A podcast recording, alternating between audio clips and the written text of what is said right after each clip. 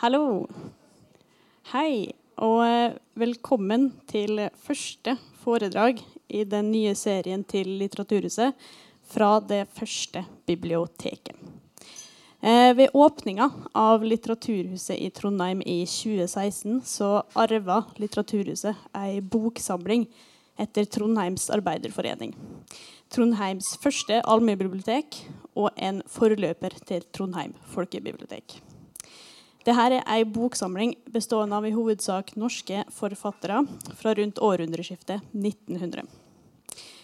Eh, og denne foredragsserien vil ta for seg forfatterne tilknytta til boksamlinga og tida bøkene stammer fra. Sett gjennom noen av våre fremste samtidsforfattere og forskeres øyne. Og vi ønsker med det her å undersøke bøker og forfattere som har gått i glemmeboka, og på den måten redegjøre for om de her bøkene kan ha noe å lære oss i dag. Og I kveld så vil journalist og forfatter Arnhild Skred åpne serien med et foredrag om Hulda Garborg, med tittelen 'Mot solen Hulda Garborgs vitalistiske forfatterskap'.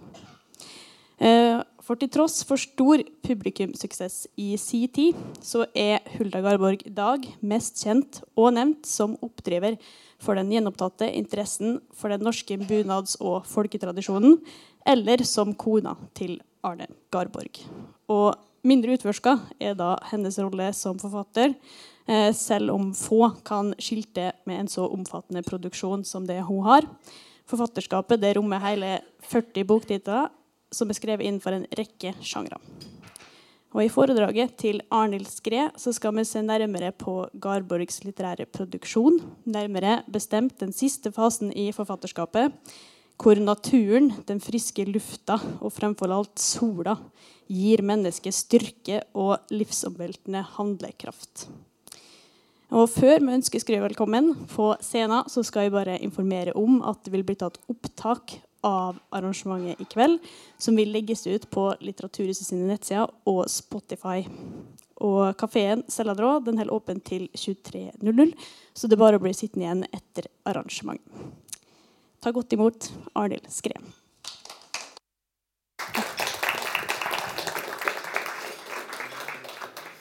Oh, det er så kjekt å liksom komme opp sånn, for da klapper folk. Noen som spør om jeg vil stå her eller komme opp, og da vil jeg gjerne komme opp. Hei. Hei. Ja. Det er, tusen takk for invitasjonen. Jeg visste jo ikke at jeg skulle åpne denne fine serien. Det var jo særlig artig, da. Det hadde det mulig det, Ja. Ehm, men min inngang til Hulda Garborgs liv og forfatterskap den er altså da arbeidet med en biografi som kom i 2011, som heter 'Hulda Garborg nasjonal strateg'. Og jeg pleier å like å fortelle at den fikk jeg Brageprisen for. Veldig fornøyd med det. Eh, og med et lite metodetillegg så disputerte jeg til doktorgraden i historie på den boka. Eh, og det var veldig moro dette med å kunne stå der og forsvare en biografi som et historisk forskningsarbeid, fordi at man ser da tida gjennom det prismet som en person er. Og i Hulda Garborgs tilfelle så blir det prismet veldig Det fanger veldig mye fordi hun hadde en så enormt brei aktivitet. Det var en fryd må jeg si, å jobbe med den boka. Jeg hadde sorg da jeg skjønte at dette måtte snart ta slutt. Um, fordi at det var ved å nettopp følge personen sånn som jeg kunne gjøre med et biografiarbeid, så fikk jeg fram, forska fram ganske mange ukjente sider ved både hennes liv og sammenhenger med, med, andres liv og med andre ting som skjedde i den perioden. Og Det er mitt sånn veldig korte forsvar for biografien som uh, historisk sjanger. Eh, det er mange andre òg som har, eller i hvert fall noen andre som har disputert på biografier. Etter, en annen ting var dette med å få synliggjort henne eh, fordi etter andre verdenskrig så har hun stått i stor grad i skyggen av mannen sin. Hun gjorde jo det i mange av årene hun levde òg. Eh, men etter krigen så har på en måte minnet om henne forsvunnet bort. Og, og, mens hans har vært holdt uh, oppe. Um, jeg er bedt om å presentere forfatterskapen hennes, og det vil jeg gjøre da med vekt på nettopp de fire bøkene, skjønnlitterære bøkene hennes, som er en del av Litteraturhuset sitt bibliotek, og som Trondheim Arbeiderforening kjøpte inn til utlån blant sine medlemmer. Så kan dere ha, fordi De bøkene har dere i hylla og kan ta ut og lese. og som jeg kommer tilbake til, så er dette med å lese tidligere tiders forfattere De vil jo alltid bli lest på nye måter i nye tider. Eh, og dette med sola og naturens plass i de bøkene som jeg nå skal snakke om, det får jo en ny aktualitet i våre dager. Sånn at eh, nye generasjoner som eh, vil jo gjerne lese dette i lys av klimautviklingen og, og, kjenne seg igjen. Det var veldig interessant når jeg skulle gå gjennom disse nå. Så tenkte jeg plutselig å bevare meg vel. Dette er jo et sånn ekko som slår inn i vår tid. Eh, men før jeg snakker om bøkene, så vil jeg si litt mer om forfatteren. Der har vi boka framsida. Jeg syns den er veldig fin. Der får jeg vist at hun gikk ikke alltid i bunad. Hun gikk i andre slags klær òg. Hun var meget motebevisst dame. Men det er dette som er det ikoniske bildet av Hulda Garborg i en sånn tillempa hallingdrakt, som hun da fikk sydd til en sånn såkalt reformkjole. Altså en kjole som man kunne bruke uten korsett under. Og dere skjønner kanskje ikke da hvor revolusjonerende det var i sin tid. At, man, at damer skulle gå uten korsett. Da hun var i Paris, så tok Amalie Skram henne med til et motehus, for hun skjønte ikke at det gikk an å gå for en dame å gå rundt i Paris uten korsett. Eh, og da når hun fikk på korsett på Hulda Garborg, så sa hun at nei, du er i grunnen penere uten. Men i hvert fall. Dette er Hulda Garborg. Hun starta da, som det ble sagt, bunadsrørsla i Norge. og Dette er jo noe som nå er blitt enda mer populært, sånn at navnet hennes har jo kommet opp igjen i den forbindelsen. Nå snakker vi ikke om folkedrakter, vi snakker ikke om hardangerbunad, vossebunad, sånne bunader som har gått i sammenhengende tradisjon. Vi om, vi snakker om de nyskapte bunadene, som gjerne er broderte drakter, sånn som denne her. Hun er da den viktigste personen bak stiftelsen av Det Norske Teatret, som i dag konkurrerer hele tida med Nationaltheatret om å, om å være Norges største teater. Det var det ingen som kunne forestilt seg da hun sto i denne hallingdrakta og med hvite ballhansker og holdt åpningstalen som første styreformann i 1913. Eh, og ble latterliggjort i avisene fordi man eh, skulle liksom lage en sånn scene med dette bondske. Musikkspill, som dere ser her, det var en sjanger, flittig brukt sjanger allerede fra begynnelsen av. Hvis ikke det hadde vært for henne, så tror ikke jeg det teatret hadde kommet på beina. i alle fall. Års, uansett årstallet 1913, det er rett før første verdenskrig. Etter verdenskrigen så kom det økonomisk krise på økonomisk krise. Det var ingen som ville satt i gang med å reise, prøve å reise penger til teater. da. Så, så, det viser jo hvor viktig hun var. Og så er det dette med bunadsrørsla. Der har vi en typisk Hulda-bunad. Dette er den, eh, en valdresdrakt som hun har funnet på nesten helt sjøl. Og så var hun da den som fant opp folkeviseleiken. De som tror at det er liksom eh, ting som har vært tilbake til vikingmiddelalder i Norge, de må tro om igjen. På Færøyene er det en sammenhengende tradisjon. I Norge så var det Hulda Garborg som fant på dette her på begynnelsen av 1900-tallet, særlig fra 1903. Og folk bunadene ble til som et biprodukt. Fordi man kunne jo ikke danse det hun kalte for norsk dans, altså leik til ikke dans, det var synd, men leik til eh, norske sanger i hva slags klær som helst. Man måtte ha norske klær. Da ble det bunader. Og for dette arbeidet for å fremme norsk kultur så ble hun dekorert som ridder av St. Olav i 1932, altså på 70-årsdagen sin. I samtida så ble hun en kjendis. Jeg har lyst til å vise dette bildet her. A-kjendiser i den tida der. De var, det så man fordi at de var gjenkjennelige på vittighetstegninger. Og den personen lengst ut til venstre, denne tegningen, det er Hulda Garborg. Så når man ble tegna sånn, nå er vi i 1911 vel, og var, da var hun blitt en A-kjendis. Men dere ser at hun er fremdeles gjenkjennbar veldig mye pga. at hun sitter der sammen med mannen sin. Um, men hun var en kjendis i, i samtida, og skal vise litt tilbake. Eh, det er forfatterskapet som skal stå i, i sentrum her. Um, men jeg vil først si litt om personen ellers. Altså, hun var født da i 1862 i Stange. Vokste opp i Hamar som Hamars eneste skilsmissebarn. Fattig med sjuk mor. Eh, heldigvis så kom hun på en god barneskole. En reformskole. Hamar var et ypperlig sted å vokse opp for de som hadde liberale foreldre og sendte barna sine på en, den radikale pikeskolen. Um, men ingen ville trodd den gangen, hvis de så dette løvetannbarnet Hulda Bergesen i byen, at hun skulle komme dit hun kom, og, og være den som ble beskrevet i nekrologer på førstesiden av avisene da hun døde i 1934. Eh, hun var en av de mest spilte dramatikerne rundt 1900. Eh, etter 1900 så ble hun en kjent romanforfatter. Men Enda mer så var hun en samfunnsdebattant. altså Hun var synlig i offentligheten som debattant. Eh, som forkjemper for en annen form for likestilling og kvinneidentitet enn den som Kvinnesaksforeningen sto for. Den eh, altså likestilling mellom kvinner og menn. Eh, hun var en såkalt forskjellsfeminist. Eh, hun var en forkjemper for norsk-norsk kultur, som dere har sett her. men hun var også da forfatterens kone. Hun var alltid fru Garborg i offentligheten. Men sjøl regna hun dette, altså forfatterarbeidet, som hovedyrket sitt. Enda hun hadde så mange andre identiteter. Hun debuterte som romanforfatter i 1892. Da så hun omtrent sånn ut. Og som dramatiker i 1895. Og, og, Året etter så ble hun tatt opp som medlem i Norsk forfatterforening som den fjerde kvinnelige medlemmet i foreningen.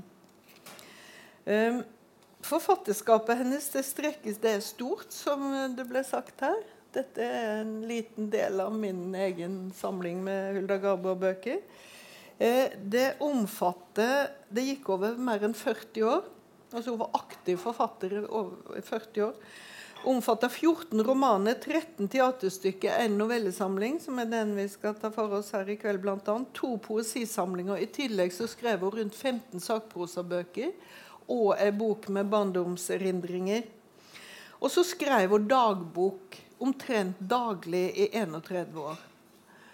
Og deler av den er også publisert. sånn at Hvis vi snakker om store forfatterskap i Norge, så, må, så er dette et av de absolutt store.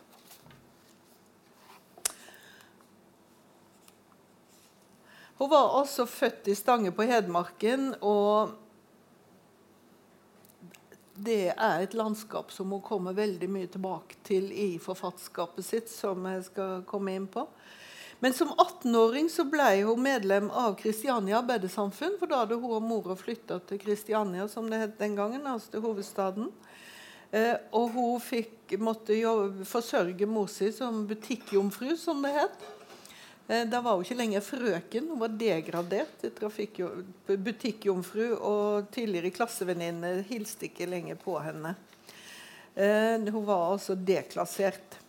Men det som var fint med den arbeidsgiveren hennes, eh, Mikael Doblaug heter han, han var venstremann, han tok henne med til Kristiania arbeidersamfunn, som var da en sånn Ikke en sosialistforening, men en såkalt eh, hva heter det for noe da, filantropisk arbeiderforening. altså Der man skulle utdanne altså Som motvekt mot tranittebevegelsen og revolusjonære bevegelser i Europa, så skulle man lære de lønnsarbeidende opp til å delta i et sivilisert demokrati, i siviliserte pros demokratiske prosesser diskutere, de skulle være velinformert, de skulle være danna. Det var lesegrupper, det var diskusjonsgrupper.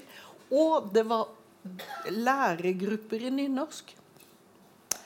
Så Hulda Garborg ble da med i en sånn gruppe for nynorskopplæring. Dette er jo tidlig i nynorsken. Vi har ikke noen nynorsk normal på den tida. Vi snakker om rundt 1880.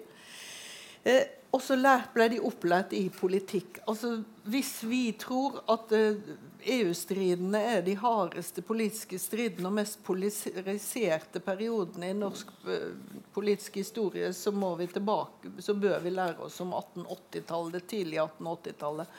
Fram til parlamentarismen ble gjennomført, som vi har lært på skolen i 1884. Da var det Alt var polarisert for eller mot høyre eller venstre ble jo, og venstre ble jo danna da. Og det var snakk om kongemakt mot folkemakt. Eh, Bjørnson var den store helten på Hulda Garborgs side. Wergeland var en annen stor helt. Og denne voldsomme politiske kveiken som hun fikk den gangen, den prega henne resten av livet. Eh, hun skriver i en roman som vi skal komme tilbake til, at våre sjeler var som voks. Altså Når man er 18-19-20 år, så blir man jo forma det formative years. Eh, hun lærte seg nynorsk, men forfatterskapet sitt, særlig det skjønnlitterære, det skriver hun i all hovedsak på riksmål. Det er riksmålet som hun syns hun mestra.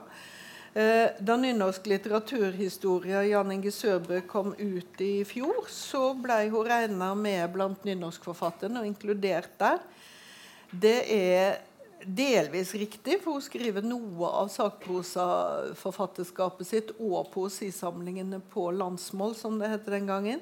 Men romanene og novellene som er emnet her, de skriver hun på riksmål. Eh, den skjønnlitterære forfatterskapen til Hulda Garborg den kan kort karakteriseres som en lang rad av skildringer av mennesket i spenn mellom det tradisjonelle samfunnet og moderniteten har jeg skrevet her. Det blir litt lesing, dette her. Fordi jeg er bedt om å skrive et nytt foredrag, og da må man jo holde seg til manus. Eh, de, folk i spenn det går an å si, og så kanskje appellere mer til oss i dag, mellom naturen og særlig bykulturen, industrikulturen. Men òg mellom mennesker i spenn mellom sitt kjenslevare sinn i den grad folk har det, og noen av hennes uh, figurer har det i veldig sterk grad, og maskintenkning og økonomitenkning. Så Forfatterskapet faller på en måte i fire bolker, og disse eh, fire bøkene her de hører til i det andre halvdelen, altså i den tredje og fjerde bolken av forfatterskap. Den første bolken av forfatterskapet den inneholder da en roman bare. Veldig, hun skrev bare en roman først. Og debutboka 'Et fritt forhold' fra 1892. Og de som er inne i litteraturhistorien, de vet hva jeg sier når jeg sier at det var en typisk naturalistisk roman. Den var prega, sånn som 'Helmusfolket' av Amalie Skram, av triste skjebne. Det går dårlig, og det går nedover, og det går stadig dårligere med menneskene, og de drar hverandre ned. altså Det er ikke folk som bygger hverandre opp. Dette er rundt 1890. Det er liksom litteraturen da. Scenelitteratur og livsstilsreform, bunad og folkeviseleik eh, dominerte forfatterskapen i det følgende tiåret, altså fra litt ut på 90-tallet og utover. Før den andre bolken, altså det som særlig preger den, det er drøfting av kvinner- og mannsroller. Det er fra 1900 og utover. Kvinne- og mannsnaturen. Altså dette var tema som var veldig oppe i, eh, i, denne tida. Kvinnebevegelsen drev ikke og drøfta veldig mye av dette. Men utenfor kvinnebevegelsen, i litteraturen, i dramatikken, i hele jugendkunsten, så går dette med kvinners natur, manns natur, igjen stadig. Eh, og det dysfunksjonelle ekteskapet dette er jo noe som hører den kulturradikale bohemperioden til.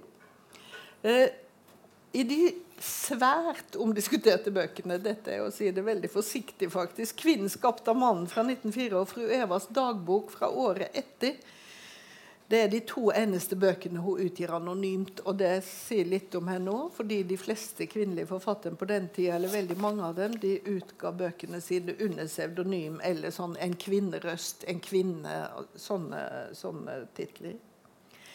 Dette var de to eneste bøkene hun utga anonymt, og begge hadde fru Eva som fortellerstemme. Hovedpersonen prøver å utforske sin kvinnelighet og sin seksualitet i forhold til mannen sin. Og, og det som setter Hulda Garborg i gang med å skrive denne første boka, da, det er at hun opplever kvinnebevegelsen som ikke bare stivna, men som ekstremt prippen. De tør ikke ta i seksualiteten som emne. Eh, hun ønsker å reise en debatt om menn og kvinners ulike natur. Eh, og det hun så beskriver som kvinners nærmest dyriske, erotisk, erotiske karakter, eller seksualitet. Men så blir hele debatten avspora, altså delvis fordi at eh, tida hennes ikke er moden for det, antagelig, og landet. Men òg fordi at forfatteridentiteten blir avslørt, og så blir bøkene lest som nøkkelromaner om liksom, altså at dette dreier seg om Hulda Garborgs ekteskap, og at denne aseksuelle, litt sånn uh, i senga late mannen som hun beskriver, og denne heite, lengtende kvinnen, fru Eva, at det er Arne og Hulda Garborg sjøl. Og denne lesningen av disse bøkene slår faktisk eh, framover i tid og preger en del av det som er blitt skrevet om henne seinere, og om dette ekteskapet. Så man har en sånn oppfatning av at dette var et veldig platonsk ekteskap. Eh, som et, altså Det kan godt hende det er grunnlag for å si det, men noe kildebelegg på det har jeg ikke funnet, for å si det på den måten. Eh, I 1908 så kom romanen 'Mann av Guds nåde'. og Den er nærmest en harselas over en annen type ekteskap. Altså en mann som er en eh, slabbedask og en slendrian, men han er veldig god på å sjarmere kvinner. Og han sliter uten en kone etter den andre som han holder stadig gravid. Og det som er interessant også med denne boka, det er at bygdesamfunnet her blir ikke idealisert på noen som helst slags måte. Og vi skal se at Senere så har Hulda Garborg en sterk tendens til å idealisere bondesamfunnet og bygdesamfunnet.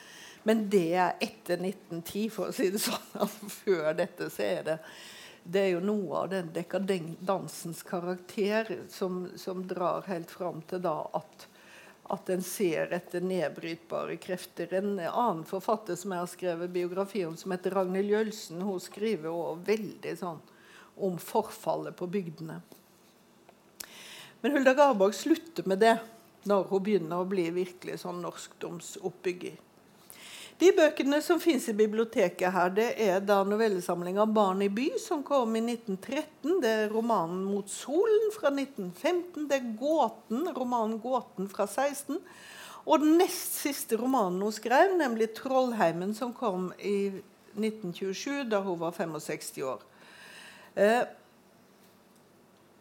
og disse bøkene skal jeg nå kort sette inn i forfatterskapen ellers. Romanen 'Trollheimen', er, som er den siste her, det er en slags fortsettelse av hennes største romanverk, nemlig 'Hedmarkskvartetten', eller hedmarksromanene hennes.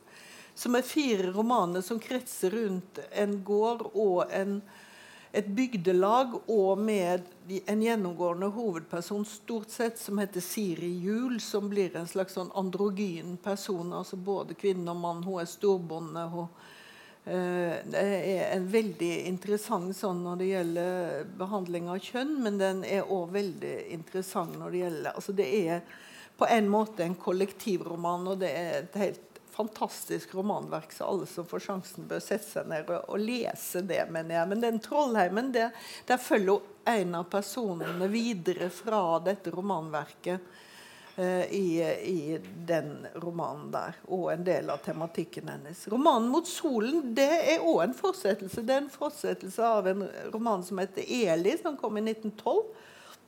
Og her setter hun da på nesten litt sånn programmatisk, eller ganske mye programmatisk vis, maskinmennesket opp mot det gode, sanne mennesket, både bygdemenneske og embetsmannsbarn, som er åpent for det nye, men holder kontakten med tradisjonen. Altså, det er ikke en sånn bakstreversk holdning, men det er dette med å gå framover med kontakt med det som har vært. Og særlig i forhold til å passe på naturen og naturgrunnlaget. Hovedpersonen her står i en mellomposisjon. Det er et moderne menneske som leter etter et nytt feste og faste verdier i modernitetens, altså omveltningene og, fornyelsens opprivende og opprevne samfunn og privatliv. Altså det politiske er privat, sånn som vi husker fra 70-tallet, noen av oss. Det er det absolutt hos Hulda Garborg. I gåten som kom året etter, så følger noen av disse trådene videre, men her går hun mer inn i mye dypere psykologisk inn, og hun går mer inn i den kulturelle utviklinga, og ikke så mye i industriutvikling og sånt noe. Det er en nøkkelroman i tillegg. altså Den kan leses som en uh, roman med, der personene er personer som faktisk har levd, noen av dem, bl.a. Harriet Bakke, som får et veldig fint portrett som kunst, en kunstner og kunstlærer her. Eh, men det er òg først og fremst sammenheng eller materiale som er henta fra denne ungdomstida til Hulda Garborg i Kristiania Arbeidersamfunn. Eh, de leser de samme bøkene som radikaliserte henne. De har de samme diskusjonene, de har den samme utprøvinga av forskjellige samlivsformer. av Idealisme kontra tradisjonalisme, dette med åpne ekteskap, som en del av mennene hadde sans for, men som kvinnen av naturlige grunner i, når prevensjonsmidlene fortsatt var så få som de var, og så dårlige som de var. Litt mer avventende, kan man si. Eh, man møtte en person som er Hans Jeger, ser veldig ut som Hans Jeger. Noen går til grunne, noen finner fram til et bedre liv gjennom eh, dette miljøet. Men det liksom, det er på veldig mange måter en nøkkelroman til hennes egen ungdomstid. Når jeg ser på de kildene jeg har til den ellers, så, så er det veldig mye som er sammenfall. Det er et trekk ved Hulda Garborgs forfatterskap både i dramatikken hennes og romanene at hun drøfter og utvikler samme tematikk i flere verk. Altså Ikke bare i sånne tobindsromaner, firebindsromaner med pandanger, men gjerne også mellom sakprosa og fiksjonstekster. og dette draget finner jeg nå i den eldste av disse bøkene i Litteraturhusets bibliotek, nemlig novellesamlinga 'Barn og by'. Og jeg vil begynne med å snakke om den når jeg skal ta for meg de enkelte bøkene. Um, etter det krafttaket som det var å vise landet at det fantes et publikumsgrunnlag for et nynorskteater, det gjorde Hulda Garborg ved i to år å turnere mer eller mindre eller i hvert fall i månedsvis landet rundt på dårlige scener og med dårlige framkomstmidler med friteatergruppa si Det Norske Spellaget fra 1910 til 1912. Og da sa hun at nå får det være nok. Dette går ikke for skuespilleren. Dette går ikke for, det er ikke godt for dramatikken. Nå må det bli skikk. Nå må vi få faste former. Nå må vi lage dette teatret. Eh, og da hun var ferdig med det, og det var på skinner, så kunne hun endelig sette seg ned og fortsette med det hun mente var arbeidet hennes, nemlig forfatterskapet igjen.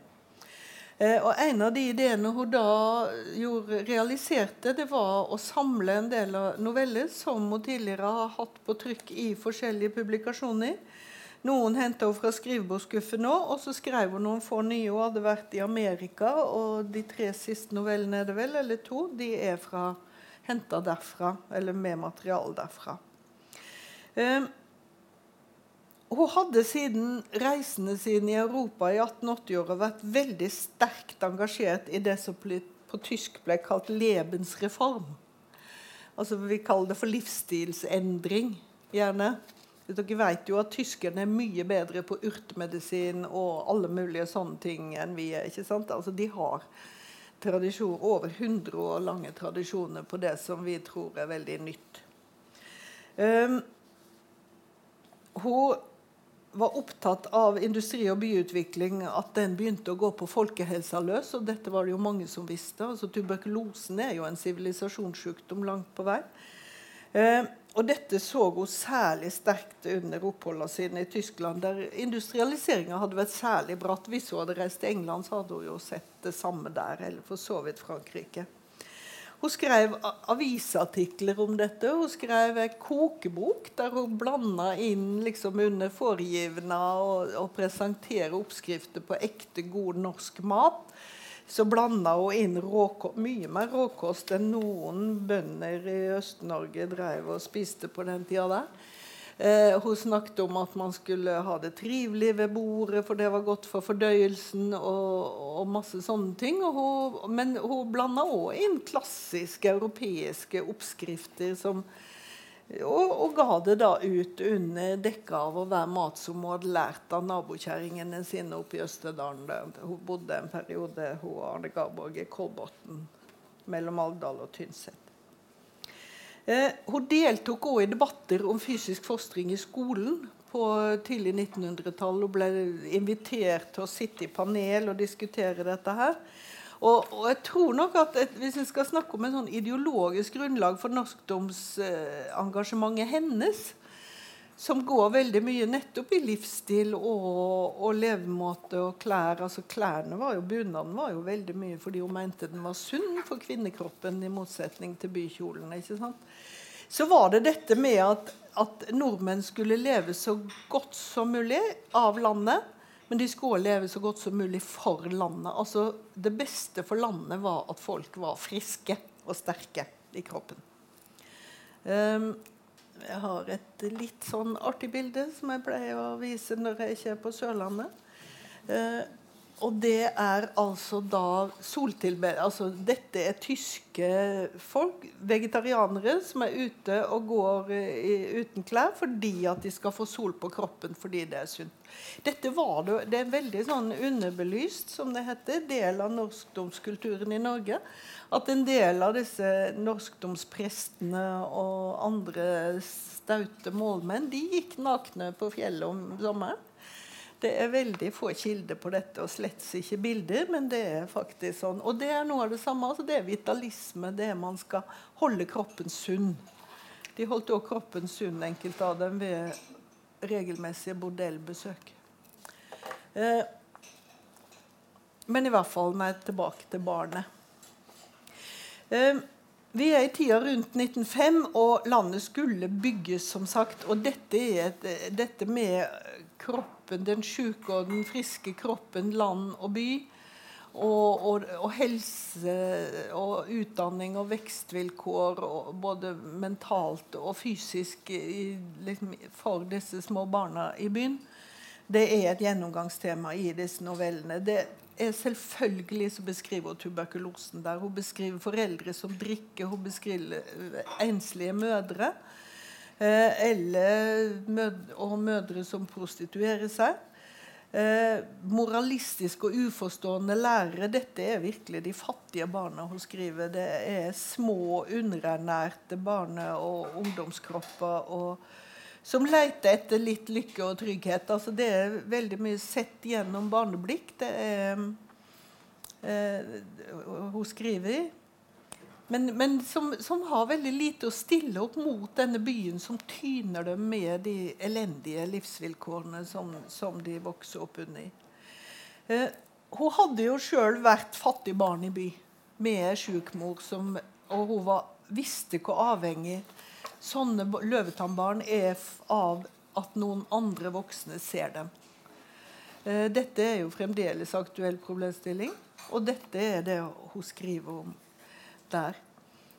Eh, hun hadde kjent skamma over fillete klær på kroppen. Hun hadde kjent hvordan det var å være sulten. Hun kom på besøk på Storgård utenfor Hamar og maula smør. Altså fordi hun hadde sånn fettmangel. Altså dette er noe som hun har opplevd sjøl. Og I Asker, der hun og Arne Garborg bodde fra 1897, så hadde jeg en nabo som het Tilla Valstad, som var lærer. og Hun underviste på Vaterland skole inne i, på østkanten i Oslo. Eh, og Hulda Garborg var med henne og, og, opp, og snakket med henne mye om disse barneskjebnene som Tilla opplevde. Tilla og Otto Walstad, som var mannen hennes, han var billedkunstner, de etablerte også en skole i Asker for vanskeligstilte barn. Så dette var noe som, altså det var ikke bare noe som Hulda Garborg kjente til fra sin egen barndom, men det var en, en samtid som hun kjente til. Eh, det er ikke sånne elendighetsskildringer som hun bare finne opp i en slags sånn romantisk eh, vilje til å belyse bygda sin sunn, sunnhet framfor byen. Men selvfølgelig er jo også disse novellene debattinnlegg. Eh, og det var hun ikke alene om i den tida. Så I 1907, det er jo liksom generasjonen av 1907 for dere som leser litteraturhistorie, det er jo liksom et år da du har store debutanter. Og Johan Folkberg, Regin Nordmann, Uppdal, Ninni Anke, Sigrid Undset og flere andre de drøfter jo nettopp dette. Det, altså, du får en sånn ny samfunnsbevisst litteratur der, der arbeiderklassen eller underklassens vanskelige vilkår blir belyst. Ikke så mye hos Sigrid Undset som hos disse andre, men det er Ninni Roll Anker, f.eks. Hvis en ikke klarer det. Hun skriver noveller fra arbeiderkår. Det var en av grunnene til at hun til slutt skilte seg fra denne godseiermannen sin. Eh, eller måtte, eller han sparka han ut. Jeg er litt usikker på det. Eh, det er veldig innlevende noveller, og jeg syns særlig åpningsnovellen 'Frihetslengsel' er veldig godt komponert og fortalt. Det er om Vesle Hans, og den åpner med at han går innover grønlandsleiret og skal på skolen eh, på Grønland i Oslo. og men så blir han overvelda av naturlengsel. Han ser sola gjennom et tre, og han lengter etter en sånn vag forestilling han har om hus, et hus i en hage. Som tydelig var et, et, fosterhjem som han var i da før mora henta han til byen. eller kunne hente han til byen. Og Mora hans går med aviser, hun syr og reparerer tøy, og hun kommer seg aldri ut i frisk luft. Og vi skjønner jo at hun ikke er frisk. Og I løpet av novellen så dør hun. og og vesle Hans han rømmer ut av byen og, og klarer da å finne seg et nytt hjem og er fostermor. Som riktignok òg er, fattig, men det er da et, et, godt landliv. Så vi skjønner at det er liksom det som er det gode livet, da. Eh, det er en veldig fint oppbygd novelle, dette her, for bare å ta for seg den. Men eh, men jeg syns nok at det blir for mye sånn altså De går for mye i samme retningen, disse novellene. USA-novellene er jo også sånn. altså Dette er jo utvandre, norske utvandrere som må ha besøkt der, som er i familien, og, og de eh, Ja. Det, man ser liksom hvordan de har eh, klart seg dårlig. De har ikke røtter, ikke sant. Eh, vi må gå videre her for å komme altså mot solen. Der har vi òg en sånn roman der landlivet er det beste. Så Eli Runge, som, denne, som er legedatter, som denne, disse to romanene, altså Eli og 'Mot solen', handler om, hun har da blitt sendt ut i Europa på kostskole i Sveits for å bli et uh, godt gifte for denne overklassemannen som de da, familien håper å få henne gift med. Og mens hun var vekke, så har doktorpappaen solgt fallrettighetene til den fossen som er på doktorgården. Um, det er òg en sånn ekteskapstragedie her, fordi hun har falt for en nokså overfladisk og notorisk utro ung lege. Eh, som ikke vil ha barn. Og, men hun vil gjerne det. Og fa, bestefaren hennes, som er, det er ofte en sånn klok mann i disse romanene til, til Hulda Garborg, som liksom veileder kvinnene som eh, disse kvinnelige hovedpersonene hennes. Eh, og han bestefaren sier at hun bør skaffe seg et barn. Et barn i, fordi da vil livet hennes få innhold. Eh, dette er jo en av Hulda Garborgs virkelig store saker. altså Moderskapet det er viktig for henne. Um, I denne andre delen av romanen da, så har hun måttet Hun har skilt seg. Men hun har ikke funnet seg noen ny mann, for da ville ikke eh, barnefaren la henne beholde sønnen. Og så er det hun og sønnen Kåre, som da er blitt ingeniør, som kjemper sammen mot denne industrialiseringa som truer hjembygda hennes. Um, I lange passasjer så kunne dette vært avisartikler. Det er dessverre en ulempe ved denne romanen her. Uh, I tillegg så har den altså en veldig sterk uh, morsskildring. Altså skildring av båndet mellom mor og sønn. Her er Hulda og sønnen, som de kalte for Tuften. Arne Olaus Fjørtoft Garborg var han døpt. Um, og Det er kanskje ikke tilfeldig at Hulda skriver denne romanen akkurat på den tida i 1916, da, da sønnen eh, var i ferd med å stifte sin egen familie. og Hun skriver i dagboka si at hun måtte gråte litt da hun hørte han var forlova, for nå er han ikke lenger bare min. Hun hadde bare ett barn, og det var et veldig sterkt bånd mellom, mellom eh, mor og sønn. Jeg tror vi skal forlate den der, men jeg tror nok altså at, eh, at 'Mot solen' er en roman som som vil stå seg ved, lesning, ved en sånn økologisk lesning. Altså ved å lese som en roman om naturens rolle i der naturen er den viktigste. Synes, men sånn som roman så syns jeg nok at 'Gåten' er en Den fengsler i hvert fall meg mye sterkere. Um, Undertittelen på den er 'Efter prestedatteren Else Marie Lindes opptegnelser'. Det ville vært mer treffende her å si efter kunstnerens Else Marie Lindes opptegnelse, for dette er en utviklingsroman om veien fra talent til kunst, altså en kunstnerroman.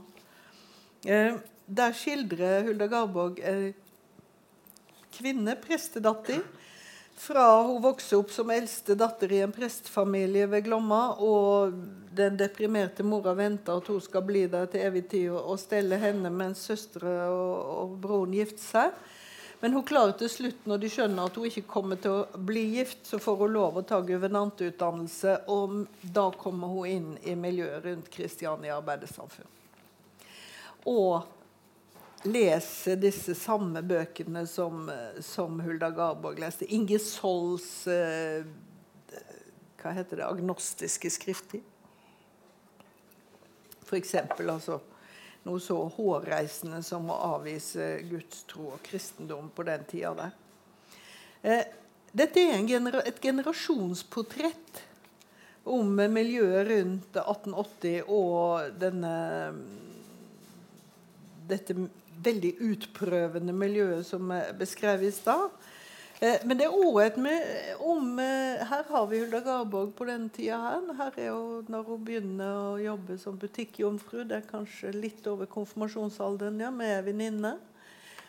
Og så heldigvis så var det så kaldt i Østerdalen at de kunne ikke bo i denne vesle hytta si om vinteren, fant de ut. De var veldig upraktiske, Arne Hulde Garborg. Og så reiser de ut i Europa på vinteren. Her er de i Italia, i Taormina på Sicilia, i det antikke teatret, greske amfiteatret der. Her er hun i et uh, sånn avantgarde litterært og vitenskapelig miljø utenfor München. Og Det samme gjør den Else Marie Linda. Så hun kommer ved hjelp av penger fra en tante og veldig god støtte fra broren sin og kunstlæreren, som da er dårlig skjult portrett av Harriet Bakke, så kommer hun seg ut i Europa. Hun kommer, hun, vi får òg høre om miljøet i Zürich, som var på den tida der det eneste universitetet i Europa som var åpent, der det var studier åpne for kvinner.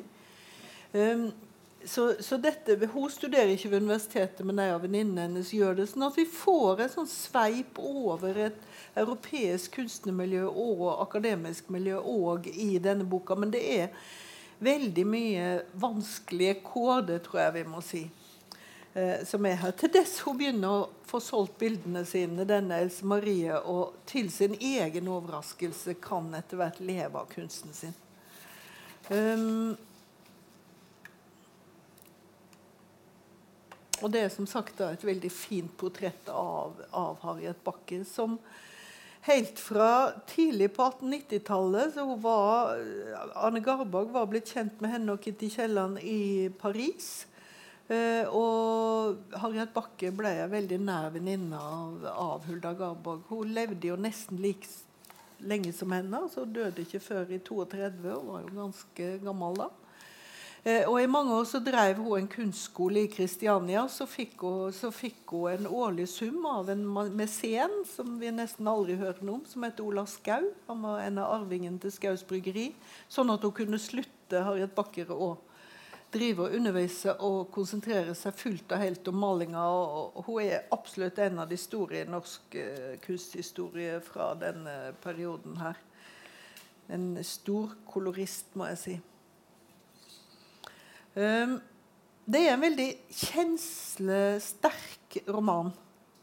Men det er òg en roman som er veldig sterk rent litterært, syns jeg. Uh, det er kanskje litt mye gråt. altså Denne Else Marie gråter nå aldeles forferdelig mye. da gråter hun. Det er noe altså Hun er en sånn menneske Det er en brevroman, det glemte jeg å si.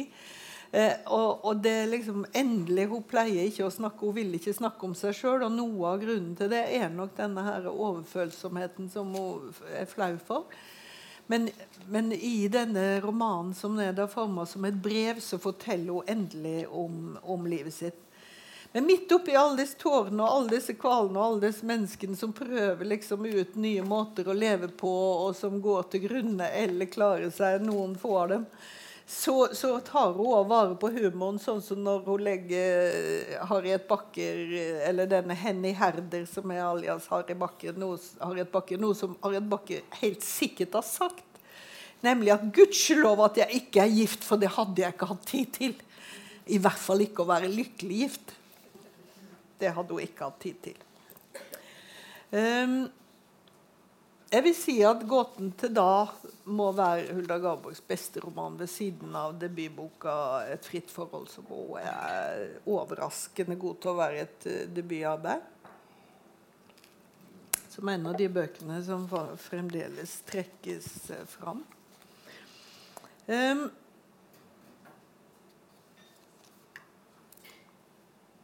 Nå går tida her. Får lov å gå litt over, gjør jeg det? Ja. En av de mange forskjellene på Arne og Hulda Garborg det er at mens Arne Garborg skriver mye, og jeg tror gjerne om kvalene og tvilen sin og alt mulig sånn rundt kristendom, ikke-kristendom, rundt troslivet sitt, og både i romaner og, og i sakprosabøker, så, så, holder stort sett Hulda Garborg tankene sine om kristendommen for seg sjøl. Bortsett fra når hun går inn i disse debattene, dette miljøskildringene fra 1880-tallet. Men etter januar 24 så endrer dette her seg. Da dør Garborg. Eh, og ble gravlagt eller var det 25, og ble gravlagt i en bisettelse som etter hans eget og familiens ønske skulle være livssynsnøytral. Eh, i Trefoldighetskirken i Oslo, men som ble kuppa av Kirkedepartementet og eller kirkeministeren og stortingsfolk og gjort om til kirkelig handling uten at familien var konsultert. Mellom annet fordi at kongen, altså Håkon 7., skulle være til stede. Og de syntes ikke de kunne liksom ha en sånn hedningebegravelse når kongen skulle være der. Og Hulda og sønnen de opplevde jo naturlig nok dette som et overgrep. Eh, under eh, bisettelsen så holdt hun seg i, så hadde, utviste hun stor grad av selvkontroll og holdt tilbake. Men rett etterpå, altså det kan en se, det ligger utmeldingsblankett av statskirka i eh, Nasjonalbiblioteket i Oslo. altså Det skjer dagen eller uka etter denne hendelsen. Så melder hun seg ut av statskirka. Garborg og sønnen har vært utmeldt siden før 1900, når vi har records på det der. Eh, og i de romanene hun da skriver etter dette her, så får statskirka og presteskapet gjennomgå. Eh, I 'Grågubben', som er den siste romanen i Hedmarkskvartetten hennes, så dukker det opp soldyrking og naturreligiøse forestillinger i denne romanen 'Trollheimen', som kom to år etter, som var altså en slags sånn pendant til hedmarksromanene.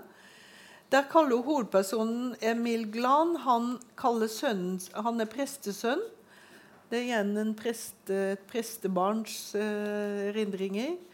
Eh, han kaller sønnen sin for Thor. Han lar være å døpe han.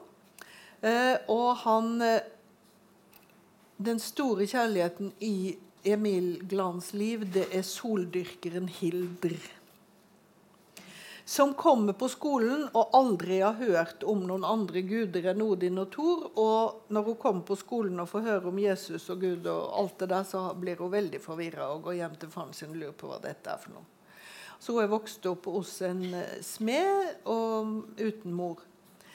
Eh, I hvert fall så, så skildrer da Hulda Garborg i denne romanen et oppgjør med det hykleriske i presteskapet med denne sjølnytende faren til Emil, denne prestepappaen. Eh, men òg med vekkelsen som farer over bygda her. Og han går gjennom en krise. Delvis så, så beundrer han denne Vølund, denne faren til Hilder, som da er en soldyrker. altså Som står opp tidlig om morgenen og får liksom kraft av solen. Går ut og hilser den. Eh, men han går òg enda videre og over til kunnskapens og frisinnets eh, religion, vil jeg si. Og bygger da til slutt, for en liten arv han får, så bygger han da en hall for den frie tanken. Det er liksom kulminasjonen på denne, denne romanen, som selvfølgelig handler om mye mer enn det. Men, men igjen, for å holde oss til dette vitalismetemaet, så så er det der vi Så er det der den tråden ligger i, troll, i den trollheimen.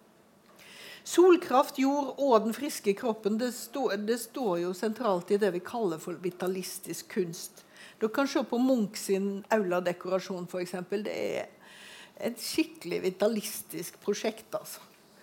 Eh, og For ikke å snakke om Vigeland sine steinkropper, altså disse sterke, kraftige kroppene. og det, det, har jo, eh, det må sies at i fascistisk kunst og i fascistisk ideologi så har man jo denne vitalismen som en veldig sterk eh, strømning. Men en kan ikke dermed si at de, alle kunstnere som er en, har vitalistiske trekk i kunsten sin, ender opp i fascismen. Vi er kommet litt lenger i fascismeforskningen enn det. Det gjelder jo for så vidt òg denne nyhedendommen rundt 1930. At for en del så, altså, Nazismen var ikke kristen. I Norge så ble jo denne nyhedendommen en del av, eh, av NS eh, sitt tankegods for mange. Eh, og vi ser det jo òg i dag. Men, men, som sagt, vi må skille mellom Vi kan ikke si at alle kunstnere som dyrker vitalistisk kunst, er fascister. Og, når det gjaldt Hulda Garborg, så var hun det absolutt ikke. Men vi ser veldig klare trekk, og ikke minst i disse fire bøkene her. Altså Den vesle, tynne Hans i Barneby på vei til, fra den sjuke byen til lys og, og legende luftig, og sol i Bærum. Eli og sønnen Kåre Runge imot solen som finner ro og mening i naturen og ved liksom å, å holde industrialismen i sjang. E, Else Marie Linde i gåten som utforsker lys og farger i maleriet i kunsten sin. Og broren hennes Gunnar, som da har en sånn frigjørende reise fra at han har vært ute i Europa, og så vender han tilbake til fjellbygda og gifter seg med ei veldig kjekk odelsjente. Eh, og, og, finner ro der. Sånn at både sånn mentalt, altså psykologisk og fysisk, så er det dette som eh, denne, denne, kraften fra naturen, fra lyset, fra sola, som er det beste for menneskene og for landet. Og til slutt da denne prestesønnen Emil Glans som, eh, som, fører dette videre til en åpen kunstens og kunnskapens hall, hvor ilden skulle lyse over bygden og varme dem som gikk og frøs inne med drømmene sine. Det er hans. Altså man skal utfolde seg. Nietzsche, altså alle krefter skal slippes ut, skal, skal slippes fri. Dette var det Trondheims Arbeiderforening kjøpte inn til biblioteket sitt for utlån blant medlemmene, sånn at arbeiderne i Trondheim skulle være orientert òg om disse impulsene i samtidslitteraturen. For dette er ikke arbeiderdikting i den forstand. Barn i by kan sies å støtte arbeiderbevegelsens sak, men ikke i de andre. Det er, ikke, den er helt klar elitistisk tendens i Hulda Garborg sine romaner. Da hun døde i november 37 så ble nyheten som sagt slått opp på forsidene, og kulturarbeideren, samfunnsdebattanten og Garborgs kone hadde vært synlig og ble enda en gang synlig i offentligheten. Men i nekrologene altså Hun ble jo spurt mens hun levde. Men har de virkelig skrevet dette selv, fru Garborg? spurte folk mens Garborg levde. Når du kommer ut på 30-tallet og når ettermælet skal skrives, så har hun endelig òg litterært kommet ut av Garborgs skygge. Um, og blir seriøst vurdert. Hun klarte å skrive seg ut av, av den skyggen. Og vi kan gjerne hente bøkene hennes fram igjen og nylese de nå i klimakrisens tid òg. Takk for meg.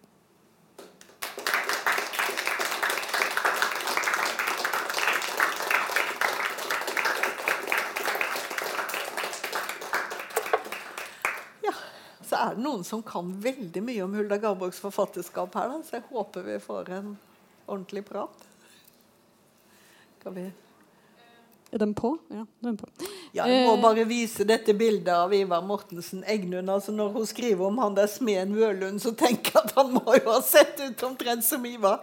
Dette er altså et av hennes lange vennskap. Hun har sånne lange vennskap, og han, de hadde vært venner i Der sitter de altså det siste sommeren når begge lever, og da har de vært venner i 50 år. Ja. Det var bare det. Unnskyld meg. Nei, nei, jeg skulle bare si tusen takk for at du ville komme hit og sette eh, forfatterskapet til Hulda Garborg på kartet igjen. Eh, hvis noen sitter inne med noen spørsmål, så kan dere stille deg nå. Der, ja. Eh, jeg lurer litt på, for jeg, jeg har bare lest Fru Evas dagbok, så har jeg lest Andrines master. Hva Eh, sier du du har lest? jeg har bare lest Fru Evas dagbok Ja. og så Andrines master. Men det jeg lurer på, er denne sakprosaen til Garborg.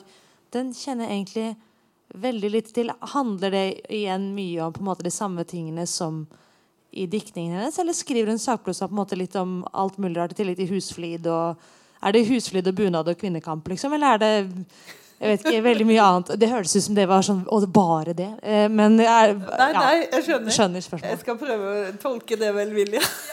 nei, men du, på hennes vegne. Nei, eh, det er um, Du kan si at sakprosaforfatterskapet er mye mer spredt sånn rent tematisk. Den første boka det er denne kokeboka som jeg viste i stad. og Det er et rent biprodukt av en matspalte hun hadde i avisa Fedreheimen, nei, 17. mai. Em, så, kommer, så skriver hun bøker, veldig populære bøker om folkeviseleik, altså om norsk folke... Ja, viseleik. Norsk folkedans og viseleik. Og så skriver hun veldig populære pamfletter. Altså det er særlig blant ungdom at dette med folkeviseleiken og bunadene tar fatt. Eh, så det, de blir mye solgt. Det er sånne bitte små skrifter. Så fortsetter hun Hun skriver en litt større bok om, eh, der hun har som mål å dokumentere at eh, denne sangdansen faktisk fantes i Norge. Men da går hun helt tilbake til gresk tid og skriver på en måte sangdansens historie. Som er sangdansen i ja. Eh, Så skriver hun noen bøker om bunader som er litt større, veldig rikt illustrert. Hun skriver også en bok om Rousseau, som hun har veldig stor beundring for. Både som pedagog og, som, ja, og natursyn og, og alle sånne ting. Eh, så sakprosaforfatterskapet hennes er i veldig stor grad knytta til disse politiske prosjektene hennes. Og norskdomsprosjektene. Så er hun jo også skribent. Hun er, I dag så vil vi kalt det interiørblogger. altså Hun skriver en sånn der eh, interiørspalte og livsstilsspalte i et tidsskrift så, eller familieblad som heter For bygd og by, der folk skriver inn og spør henne om gode norske farger til gardiner og sånne ting. Så det å gode eh, butikker som kan levere gode norske møbler, og hjemmet som hun og Arne Garborg bygde opp ute på Labråten i Asker, det ble liksom en sånn norsk mønsterheim. Så folk skrev, unge kvinner skrev og ville gjerne komme i hus og bli tjenestejenter for å bli lært opp i god norsk eh, husholdning og matskikk og, og sånn. Og, og det Visstnok så mente hun at det var veldig norske farger i interiøret. altså Det er noe enormt kraftige farger der. Dette er nå ført tilbake til sånn som det var rundt 1915. Hun fikk skifta, De hadde ikke fryktelig masse penger, og likevel så fikk hun skifta vinduer i dette sveitserhuset fordi at sveitserhus det var liksom utenlandsk, og så fikk hun skifta til sånn smårutete vinduer som var mer norsk. Så, så, men altså sånn interiør og, og, arkitekturen arkitektonisk så regnes hun som veldig interessant. Det er skrevet det, Jeg tror det er avhandling, det òg. Som er kommet som bok om, eh, om Hulda og, og dette huset på Labråten. Av hun som sto for tilbakeføringa av det.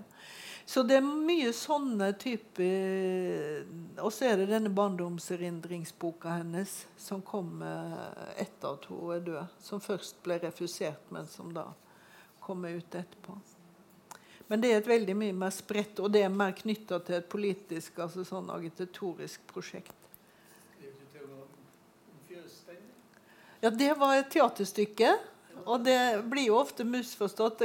Teaterstykket det skal visstnok være Norges mest spilte teaterstykke. Som, har noen av dere spilt det i Rasjonelt fjøsstell? Det var veldig populært i ungdomslagene. Eh, det er jo da en raljering over disse det, det, er en slags sånn bygde-Rasmus Montanus. altså Det er denne her eh, lærde jenta som har gått på folkehøyskole en vinter, og som kommer hjem og skal reformere foreldrene sin uh, måte å drive gård på. da og foreldrene kløser. Og hun er odelsjent, så hun skal jo overta. Sant? Og foreldrene kløser. Hun lurer på hvordan i all verden dette skal gå. Så, altså, det, er, det, er, noen som tror det handler om fjøsstell, men det handler egentlig om en sånn eh, som var faktisk reist kritikk i samtida mot at folkehøgskolen, der veldig mange bygdeungdommer gikk en vinter for å lære litt om litteratur, og sånn, at den var begynt å bli for teoretisk og livsfjern i forhold, til, eh, i forhold til det som man trengte av kunnskap for å modernisere landbruket. Så det er en veldig sånn Det er en skikkelig Det er, det er en farse. En ren farse, altså. Det er virkelig en ren farse. Men den skal altså da være Norges mest spilte teaterstykke. Det er litt morsomt fordi den ble oppført på Den nasjonale scene med jeg tror faktisk det var en av de tidlige rollene til Hauk Aabel som var der. Han spilte en av disse komiske figurene. ja. Hun skrev både komedier og skikkelig mørke tragedier. Noen av de er veldig mørke, altså. Så, begge deler. Mm. Det nest siste bildet du viste, var det fra Folldalen? Fra... Hva dette? Om det Ja, det er fra Egnund. Fra Einabu, altså fra gården til, til Ivar og Karen. Um, jeg tror i hvert fall at det er fra tunet der, så vidt jeg forstår. Altså, der er det jo ikke så lett å komme inn og se lenger. Altså, I Kolbotn, der Hulda Arne Garbo bodde, der kan en jo gå og kikke. Men ikke på Einabu. Men jeg uh, mener at det er her. Det er, på grens, det er vel mellom Avdal og Folldal, er det ikke det? Eller er det i Folldal? Ja, det er i hvert fall over der. Og han var jo grunnen til at de flytta oppi der. At Garborg fikk kjøpt seg denne hytta i Kolbotn.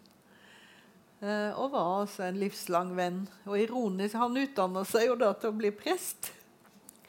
Og ironisk nok så var det han som stilte i prestekjole på befaling fra kirkestatsråden og i Garborgs begravelse og holdt gravtalen. Så det var jo en skikkelig krise. Men da skrev Hulda Garborg etter at hun hadde kommet seg opp igjen etter den der trøkket, så skrev hun til dem og sa det at vi må, vi må se stort på dette livet er kort. Vennskap var viktigere. Det var veldig Ja. Flere? Kanskje vi kan avslutte med et spørsmål? Går det bra? Tåler du med det? Mm. Ja. Eh, nei, for jeg lurte på, Du var inne på det med skildring av seksualitet i forfatterskapet som en sentral del, i hvert fall kanskje i begynnelsen. Eh, og det med eh, utforskelse av kvinneseksualitet som en slags frigjørende kraft da, ja. for kvinner. Og jeg har jo lest en del om og av Garborg. En del kritikk av Garborg, f.eks. Og da er det jo ofte at man både Du har deg som berømmer da, denne skildringa som en, kanskje at det styrker kvinnesaken. Eller at man får liksom ny, et nytt aspekt da, av kvinner, og at det skildres som noe positivt og frigjørende for kvinner. Og så har du deg som kanskje mente at, at det fokuset ble for ensidig. At kvinner ble kanskje fremstilt nesten som en slags ja, dyrisk eh, ja. kraft som en, uten som en fornuft. naturskikkelse mot mannen som kulturskikkelse. Ja, liksom. så jeg bare lurte litt på om du hadde hva tankene dine er rundt det. Ja, så det er jo dette med Det er vel Mimmi Sverdrup Lunden er det hun som skriver om kvinne... Nei, hvem er det som skriver kvinnebe, denne kvinnebevegelsens historie i Norge i mellom, mellomkrigstida? I hvert fall hun kaller Hulda for uh, antifeminist. Eller mot kvinnesaken. Og det samme var jo på 70-tallet, så var hun regna som sånn antifeminist. Mens det har jo forandra seg litt i, i de senere år. Og, og, det er jo fordi at vi i utlandet har fått en del, blitt oppmerksom på en del altså dette med forskjellsfeminisme. Um, hun mente jo at, at kvinnebevegelsen under, Eller for å si det sånn I samtida så var det jo til og med radikale leger som sto opp og sa det, sånn som Nissen hva heter han, som Fredrik, Fernanda Nissen var gift med. Som sto opp og sa at kvinner fant, hadde nesten ikke seksualdrift.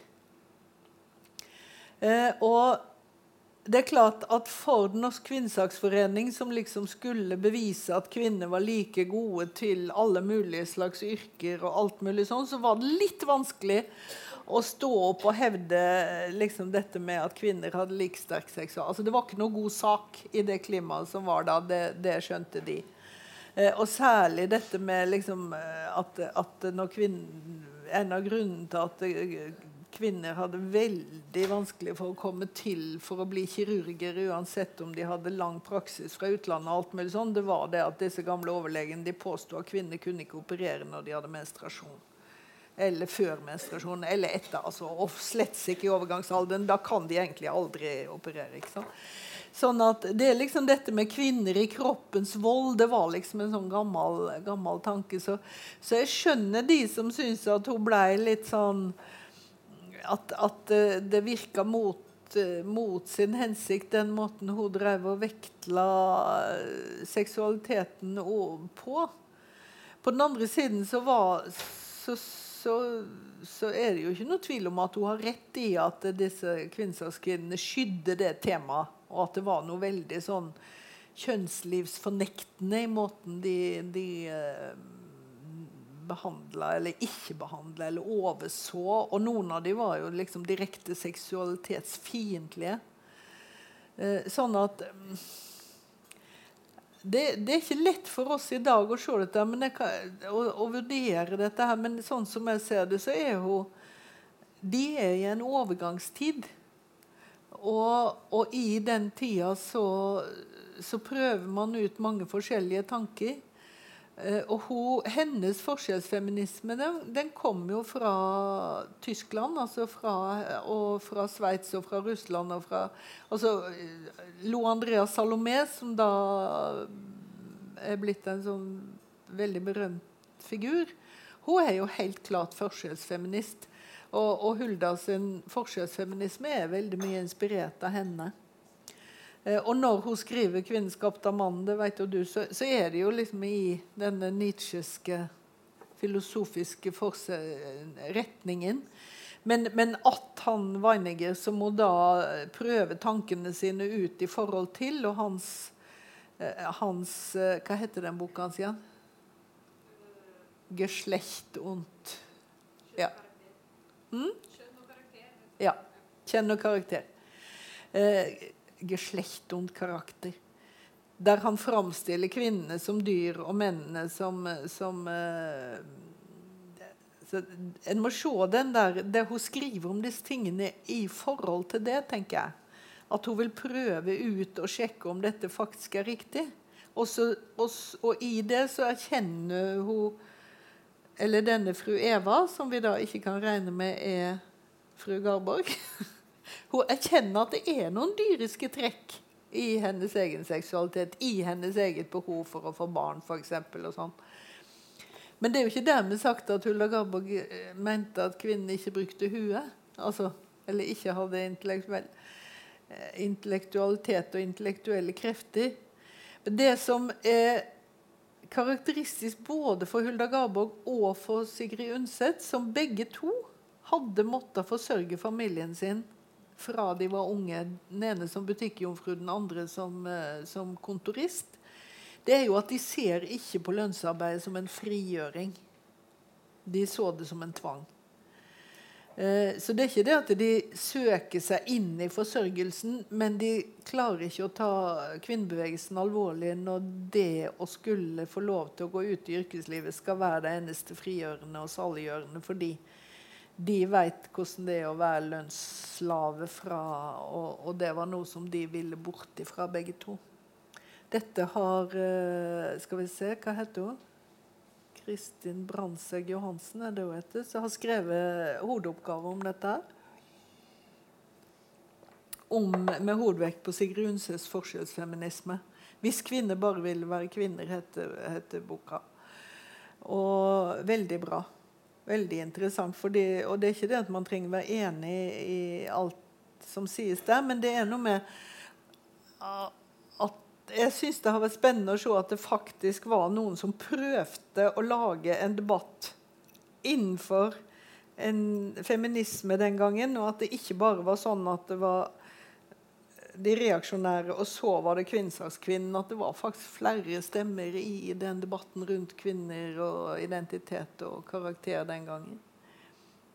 Vi tror jo liksom at kvinnebevegelsen begynte på 60-tallet, mange av oss. Og kanskje, kanskje i hvert fall på 70-tallet, men det har jo vært en veldig sterk debatt før. 100 år tidligere, nesten. En, altså, i, Europa var det jo enda før, men, men i Norge, da. Så, så det er lange, lange røtter i dette her.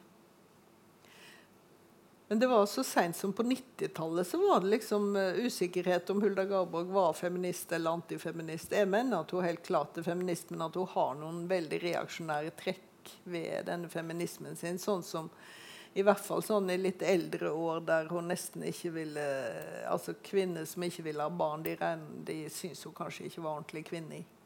Eller hun sier det var ikke bare kanskje, det syns hun ikke. og det fikk de høre av og til òg, det er jo ikke så veldig sympatisk, da.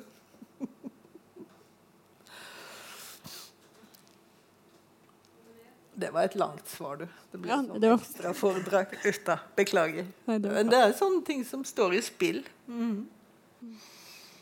Nei, det er spennende. Takk igjen for at du ville komme, og takk for i kveld.